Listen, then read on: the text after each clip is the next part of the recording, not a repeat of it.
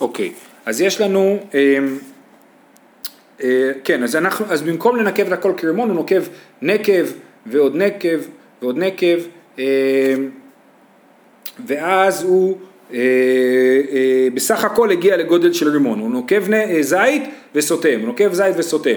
האם זה נחשב שכל הכלי בטל, או שאנחנו אומרים שבאמת הוא, או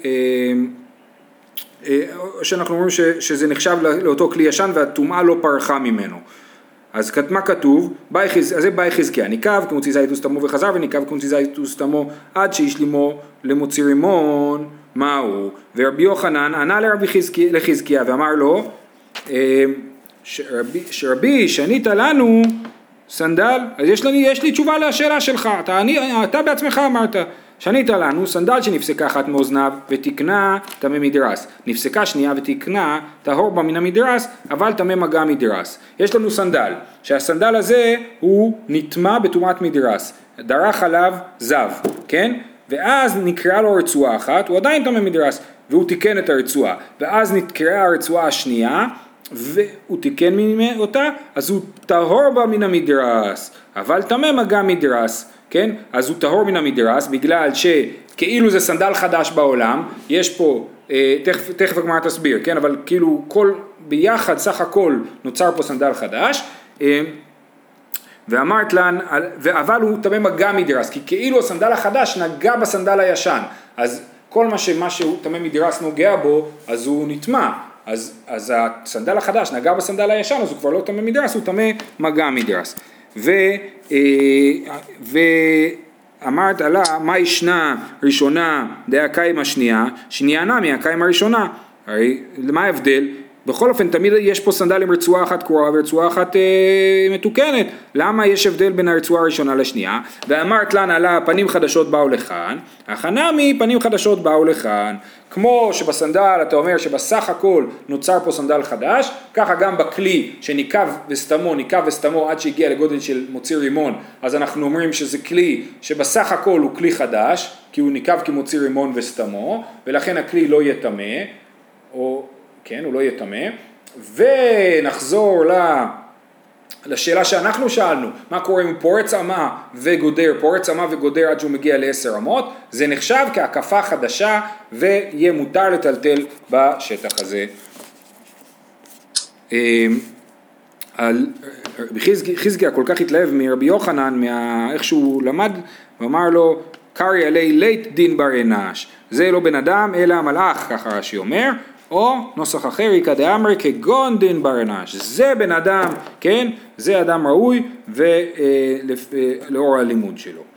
הלאה, אמר רב כהנא, רחבה שאחורי הבתים אין מטלטלים בו אלא בארבע אמות. יש לנו רחבה מאחורי הבתים והיא אה, מוקפת לא לצורך דירה והיא גדולה יותר מביצתיים ואין שום דלת שפתוחה מהבתים לרחבה, זאת רחבה שאין אליה גישה מהבתים, אז היא נחשבת לרחבה שלא הוקפה לדירה ולכן אה, אסור לטלטל בה, מותר לטלטל בה רק בדלת אמות.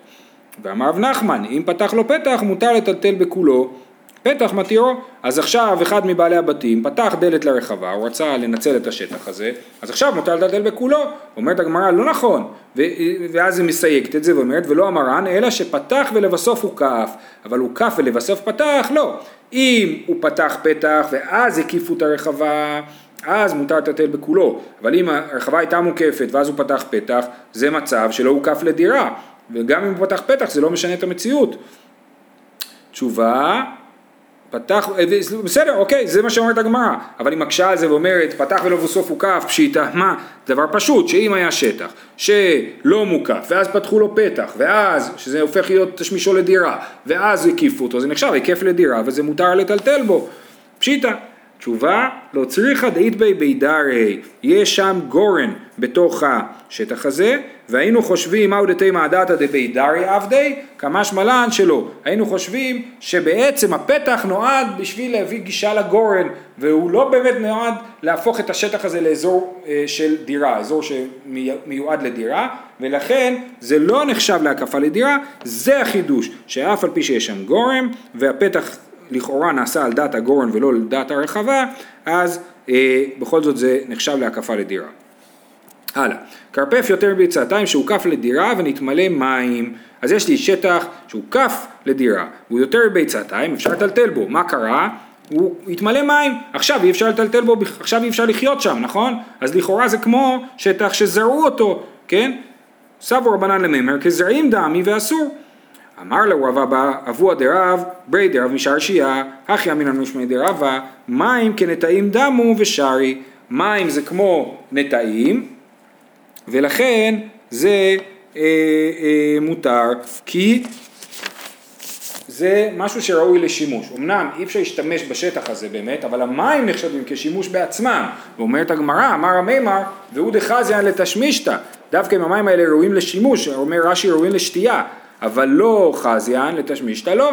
אם המים האלה לא ראויים לשתייה, אז אסור אה, אה, להשתמש בשטח הזה. זאת אומרת, המים הם נחשבים לדבר ש, של דירה, ולכן מותר אה, אה, לטלטל. זאת אומרת, יש לנו בעצם שטח שהוא שטח של שלוש שאים נגיד, כן? ומתוכם שתי, שני, שתי שאים אה, הוצפו במים, מותר לטלטל בכל, בכל השטח הזה, כי מים נחשבים לדירה ולא נחשבים ללא דירה. אה, אמר ושי, ודחזן לתשמישתנמי לא אמרן, אלא שאין בעומקו יותר מביצתיים. אה, סליחה, יותר מביצתיים, אבל אם יש בעומקו יותר מביצתיים אסור. יש בעומקו הכוונה היא שיש לו עומק של עשרה טפחים, אז יש לו עומק עשרה טפחים על שטח של יותר מביצתיים, על שטח של יותר מביצתיים, זה באמת מבטל את, ה, אה, את התשמיש לדירה. כי אמנם אה, מים זה תשמיש, אבל אה, זה יותר מעשרה טפחים, זה כבר ממש שטח אחר לגמרי. אז ואת זה הגמרא דוחה ואומרת ולאו מילתאי מידי דאבה קריא דפרי אם יש לי קרי של פירות ענקי שהוא יותר מביצתיים אז זה ודאי נחשב למקום שראוי לתשמיש וראוי לדירה, בגלל, לתשמיש של דירה, כן?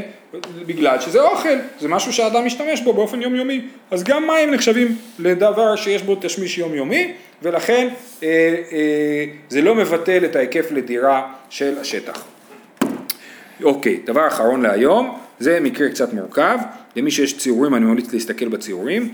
העיר חווה דהווי בפום נהרה, דחד גיסא הווה פתיח למטה, וחד גיסא אב הפתיח לשביל של כרמים. ושביל של כרמים אב הסליק לגודא דנהר. אז איך זה נראה?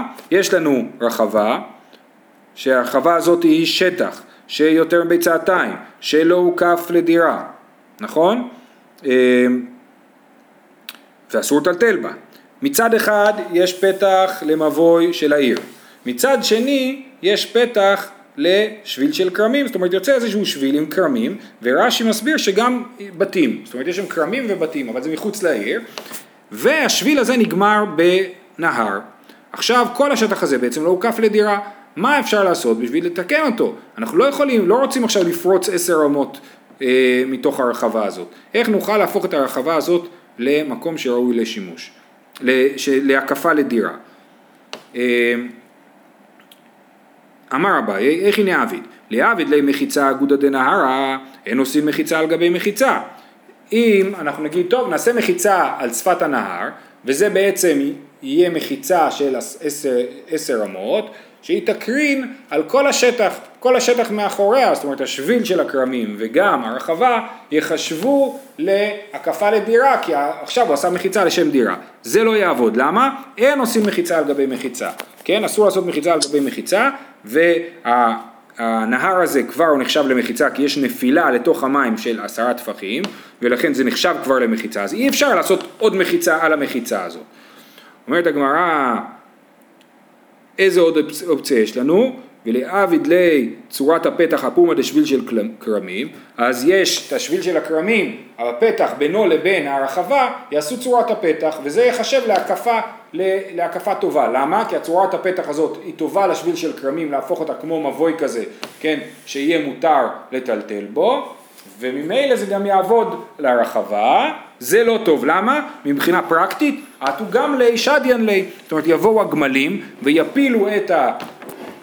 ויפילו את צורת הפתח הזאת, אה, ולכן זה, אה, לכן זה אה, לא פתרון טוב. אלא אמר אביי, לעביד לחי, הפיתחא דשביל של כרמים, דמיגו דמהניה לשביל של כרמים, מהני נמי לרחבה. זאת אומרת, הוא ישים לחי, ואת הלחי הזאת הוא ישים ב, אה, בפתח השביל של כרמים,